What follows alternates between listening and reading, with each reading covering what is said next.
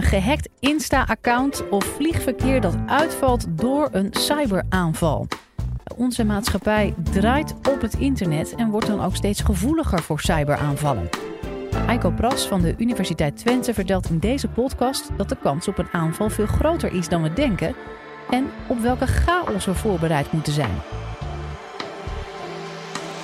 Live vanuit Club Air is dit de Universiteit van Nederland. Wie van jullie heeft pas nog gevlogen? Wie heeft daarbij problemen gehad? Eigenlijk niemand. Het is eigenlijk verrassend hoe goed dat eigenlijk gaat. Ja, van het zomer waren er een eh, aantal eh, storingen op Schiphol. Elektriciteit was eh, uitgevallen. Maar meestal gaat vliegen goed. Maar stel nou dat het internet uitvalt. En je bent op vliegveld. Wat gebeurt er dan? De eerste vraag die je kan stellen, kan ik nog inchecken? Het antwoord is eigenlijk heel simpel. Nee, dat kan niet meer. Alle passagiersdata, alle incheckdata staan op het internet, staan op de cloud en daar kan men niet meer bij. Daar sta je dan. Zelfs als je je boardingpas geprint zou hebben en je loopt naar de gate, dan zullen ze je er niet in laten. Want het vliegtuig mag toch niet vertrekken als het niet aan de andere kant te horen heeft gekregen dat daar kan landen. Dus geen internet, geen vliegverkeer. Wat dan? In de tussentijd zijn alle vliegtuigen die in de lucht zijn, zijn natuurlijk wel, uh, ja, die moeten wel landen. Dus het wordt steeds drukker op het vliegveld. En op een gegeven moment denk je van, dit gaat niet goed. Wat ga je dan doen? Nou, denk je, hier blijven zitten is ook niks. Weet je wat? Ik ga naar het hotel. Er zijn heel veel hotels bij Schiphol. Laat ik daar naartoe gaan. Je loopt naar het hotel. Ja, jammer. Uh, er waren al 10.000 voor je op dit uh, idee gekomen. En zelfs als je binnenkwam, ja, heb je nog een probleem. Want kun je betalen? Doet je creditcard het nog? Nee, want je komt bij de pinautomaat. Maar ja, zit aan het internet. Doet het ook niet. Hotel wil je helemaal niet eens binnen hebben. En je misschien, nou, mooi. Schiphol doet het niet. De haven doet het niet. Ik heb geen e-mail. Ik heb geen spam. Ik kan eindelijk dat boek eens gaan uitlezen. Maar ja, tegen de avond krijg je honger. Je gaat naar de supermarkt. Maar ja, helaas, er waren een aantal uh, voor jou en uh, die hadden bedacht van uh, het gaat vast mis. Ik ga vast flink hamsteren. En dan kom je daar in de supermarkt. Er zijn nog wel een paar dingen te krijgen. Maar ja, je kunt niet pinnen, want ja, betaling doet het niet. Je vraagt van, maar alle dingen die ik wil hebben, die zijn op. Wanneer komen ze? Ja, zeggen ze bij de kassa. wij kunnen niks meer bestellen. Ehm, dit is er nog wat er is. Je gaat weg. Even later zie je nog een aantal ook naar, uh, naar de supermarkt. Die zijn echt gefrustreerd. Hebben, wel, hebben, hebben ook geen geld. Willen wat halen en gaan dan maar plunderen. Nou, daar sta je dan als supermarktbezitter. Je probeert de politie te bellen. Maar ja, dat is ook allemaal via het internet. Dus die komt ook niet. Ja, wat gebeurt er dus als het internet uitvalt? Chaos. Nou zou je denken, kan het internet wel uitvallen? Er zijn veel van mijn collega's, die hebben ook heel lang aan netwerken gewerkt. En die zeggen, ja, het internet, dat is bedacht door het Amerikaanse leger. Dat zit goed in elkaar. Dat is zo gebouwd dat zelfs bij een atoomoorlog het internet door blijft gaan. Dat dacht ik ook tot een aantal jaren geleden. Totdat wij zelf als onderzoeksgroep in Twente heel erg veel onderzoek hebben gedaan naar aanvallen op het internet. Sindsdien ben ik van mening veranderd. Wat is het probleem? Het probleem is dat op het internet er heel veel afhankelijkheden uh, zijn. Er zijn heel veel dingen aan elkaar geknupt. En er hoeft maar ergens één ding het niet te doen en dan valt de hele keten die valt om. Wat voor soort gevaren zijn er dan voor de stabiliteit van het internet? Er zijn er een aantal, maar één van de belangrijke gevaren die ik zie zijn denial of service aanvallen. Wat is een denial of service aanval? Nou, een denial of service aanval is dat er in één keer zo vreselijk veel naar iets of iemand toegestuurd wordt dat alle capaciteit uh, ja, vol is en dat er niks meer langs kan. Vergelijk het dat uh, je met uh, Koningsdag in, de, in, in, Amsterdam bent, je wilt opeens naar het station.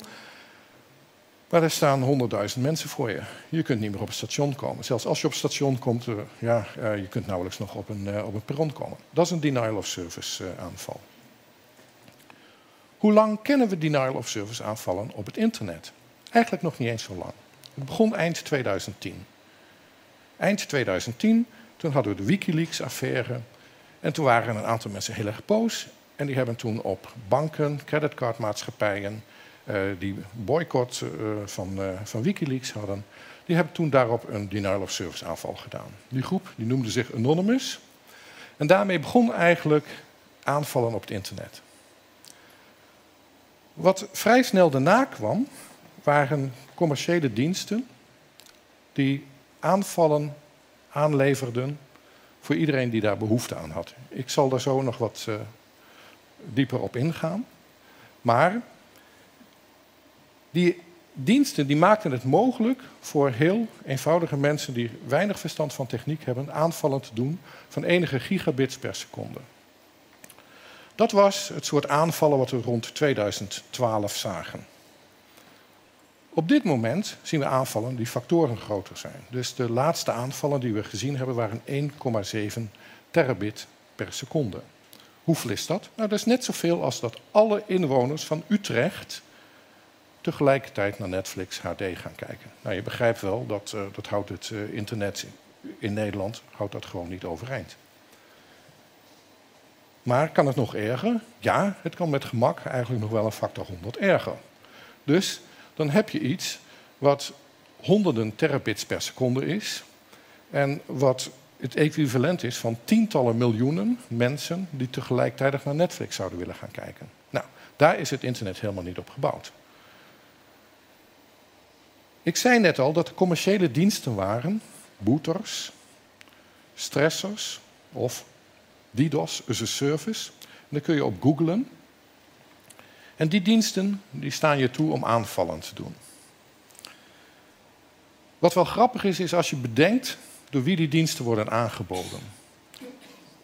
Een paar maanden geleden is de Booter website uh, van uit de lucht gehaald die begin dit jaar de aanvallen op de banken heeft technisch mogelijk gemaakt.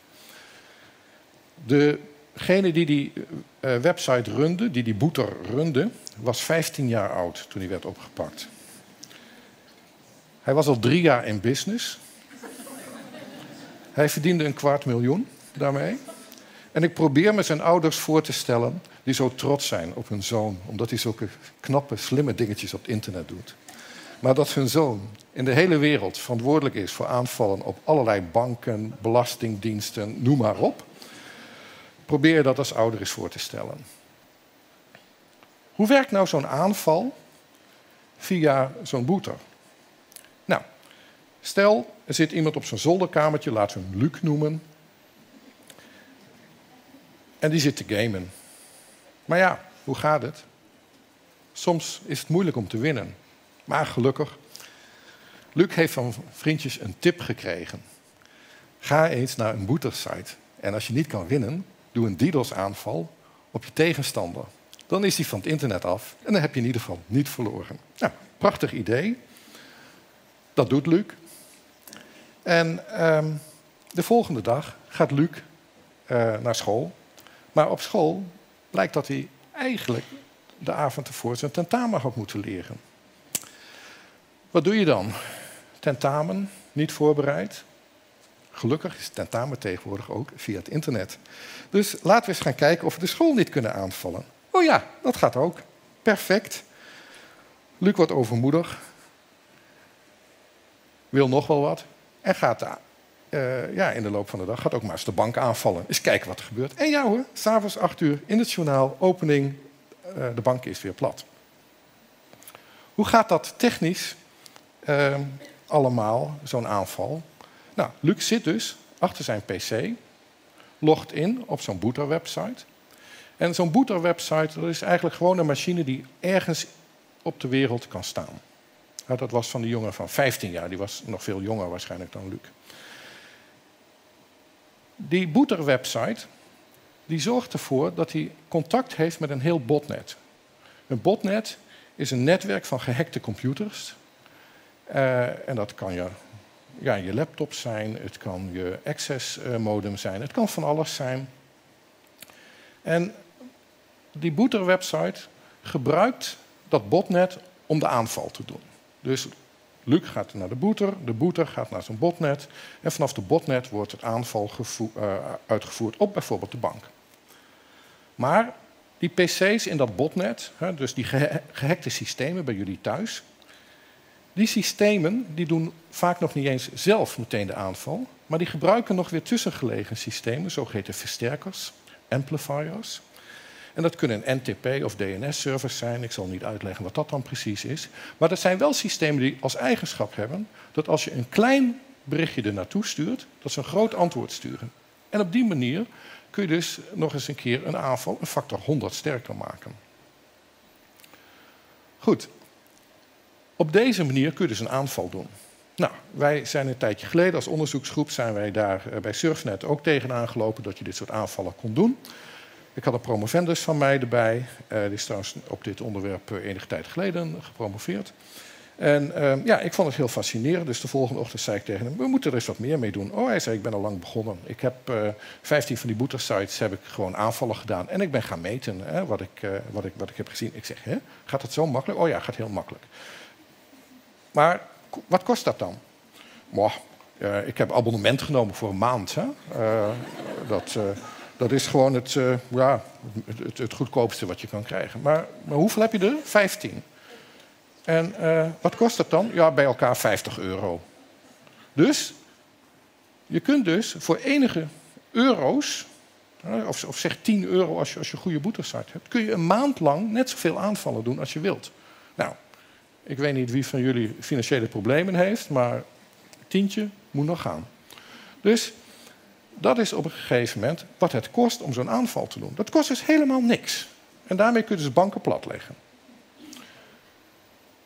Wat we gedaan hebben bij die metingen, is ook gekeken van hoeveel ja, bots, dus hoeveel gehackte systemen die aanvallen eigenlijk dan kwamen. Dus die boetersite die maakte gebruik van uh, uh, ja, gehackte computers. Hoeveel waren dat er? En dat liep uit van enige tientallen tot kleine, of ruim 8000 uh, systemen.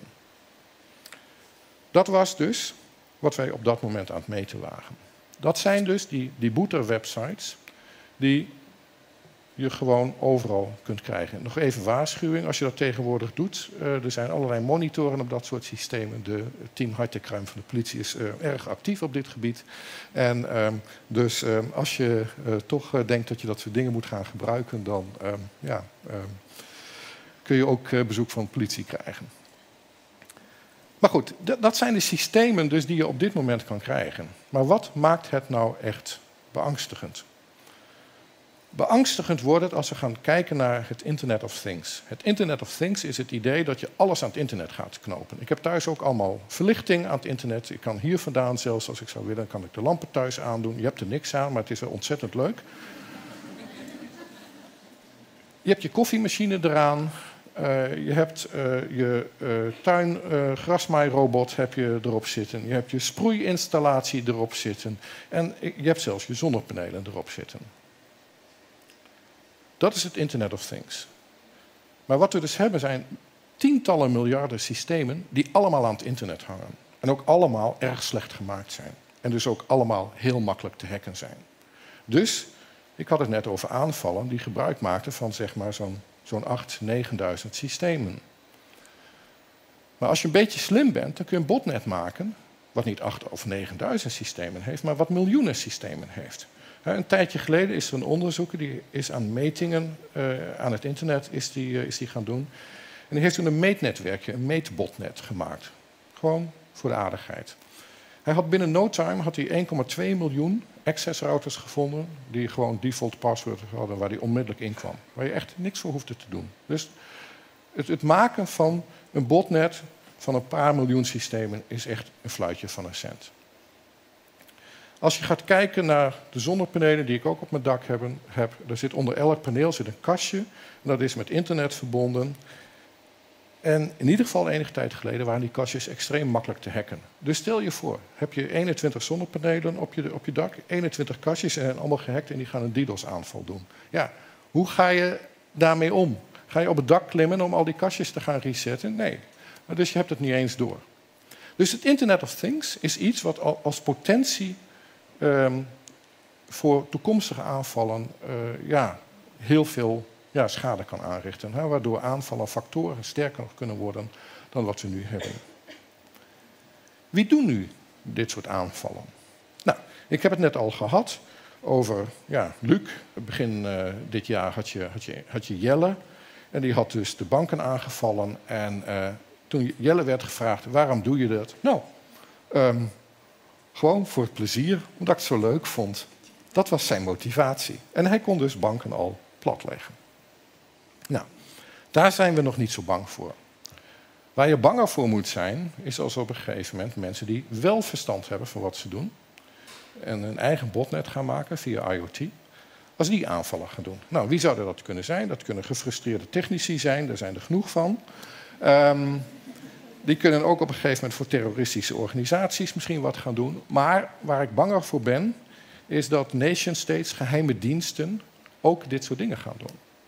Wat je ziet, is dat in het verleden oorlogen met militairen werden uitgevoerd. Maar dat we op dit moment gaan naar cyberoorlog. Onze minister van Defensie, Ank Bijleveld, heeft ook pas op tv gezegd dat ze eigenlijk vond dat we in cyberoorlog waren met Rusland. Een cyberoorlog is behoorlijk eng. Het is eng omdat het heel makkelijk is om dat te beginnen. Dat het heel moeilijk is om te zeggen dat jij ook begonnen bent en dat de aanval niet van een ander is. Het is ook zo dat waar bij een traditionele oorlog de economisch sterkste macht ook de sterkste wapens kon maken, is het hier echt een fluitje van een cent om als ja, ontwikkelingsland wapens te maken om een economisch sterk land plat te leggen. Kortom, cyberoorlog vind ik heel erg gevaarlijk. We dreigen een beetje in mineur af te sluiten. Dus dat is nooit goed. Dus de vraag is, wat kunnen we hieraan doen? Nou, ik denk dat veruit het belangrijkste is dat het besef doordringt dat het internet kwetsbaar is. Dat het internet uitgeschakeld kan worden. Of in ieder geval delen van het internet. Of misschien het Nederlandse internet uitgeschakeld kan worden. Als dat geaccepteerd is dat het internet plat kan gaan, dan moeten we een plan maken. We hebben ook plannen als de dijken doorbreken. En dan weten we ook precies wat we moeten doen. Dus als we een plan maken voor als het internet uitvalt, dan zijn de gevolgen maar een fractie zo erg als dat ze zijn zonder plan. Want je kunt niet een plan gaan maken als je geen communicatie meer hebt. Dus dat moet je van tevoren doen. Wat zijn elementen die je in zo'n plan zou, zou moeten hebben? Nou, een van de dingen die je erin zou moeten hebben, is dat je op een gegeven moment misschien verbindingen met netwerken, delen van de wereld, die niet veilig zijn, dat je die moet kunnen verbreken. En als je dat soort dingen gaat plannen, dan op zich denk ik dat het wel meevalt. Samenvattend, wat hebben we in dit college geleerd? We hebben gezien dat het mogelijk is dat een cyberaanval het internet kan platleggen. We hebben gezien dat op dit moment al allerlei aanvallen met boeters worden uitgevoerd. Maar dat op het moment dat geheime diensten, terroristen dit soort dingen gaan doen, dat we echt problemen gaan krijgen. Zeker de opkomst van het Internet of Things maakt het maken van aanvallen factoren eenvoudiger. Maar het goede nieuws is dat als we nu met elkaar, met alle experts, rond de tafel gaan zitten en gaan zeggen van dit kan er gebeuren, dit en dit en dit gaan we er tegen doen, dan kunnen we ons er ook tegen beveiligen. Bedankt.